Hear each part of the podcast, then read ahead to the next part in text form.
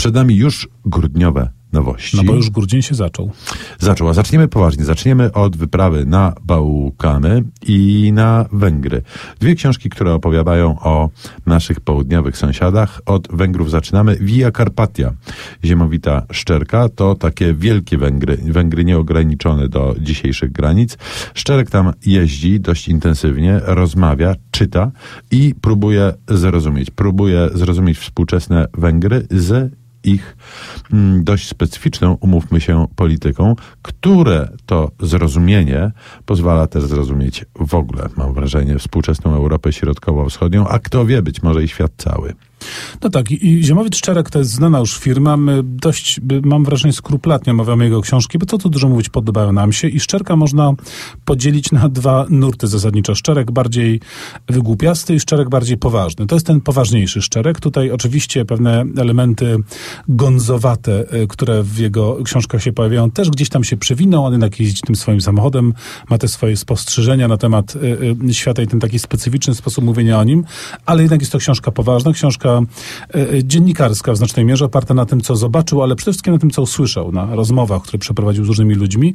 I faktycznie jest to opowieść o Węgrzech. My o Węgrzech mówimy dużo ostatnio, my w sensie nie my tutaj tylko w audycji, tylko w ogóle w kraju naszym. Sporo się na temat tego kraju mówi, tam się sporo dzieje. I Szczerek patrzy na to z pewnym dystansem, z zaangażowaniem, zaciekawieniem. Rzeczywiście wypada poza geograficzne Węgry. Jak wiadomo, jest to kraj, który akurat w XX wieku został mocno, mocno okrojony i ta trauma jest wciąż bardzo silnie obecna. I jest to książka, która mm, y, mimo dużych rozmiarów wydaje mi się być nie, że za mało, ale wciąż jakby rzeczywiście okazuje się, że w tych Węgrzech się dużo kryje, dużo jest do powiedzenia, dużo jest do zobaczenia i jest to wszystko takie mocno niejednoznaczne. Niby płasko, niby nudno, a dzieje się.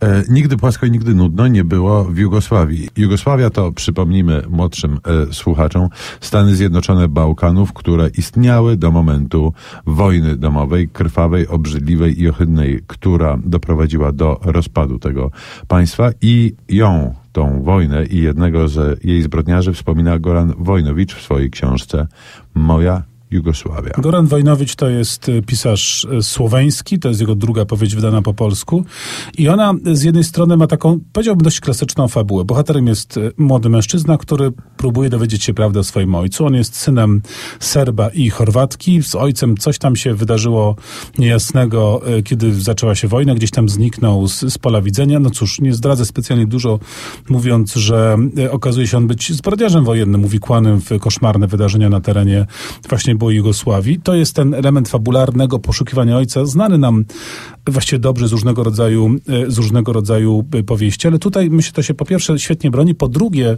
ogromnym atutem powieści Wojnowicza jest pokazanie e, tej mieszanki jugosłowiańskiej, tej przedwojennej, kiedy to jeszcze była właśnie jedna Jugosławia i tej aktualnej, kiedy są to już niezależne, ale jednak powiązane ze sobą kraje.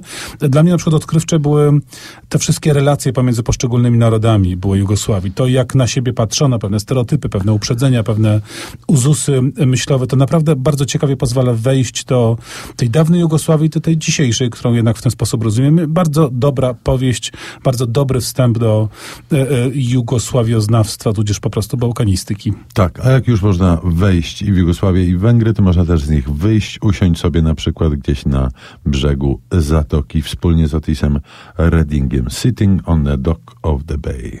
A do nowości grudniowych wrócimy za chwileczkę.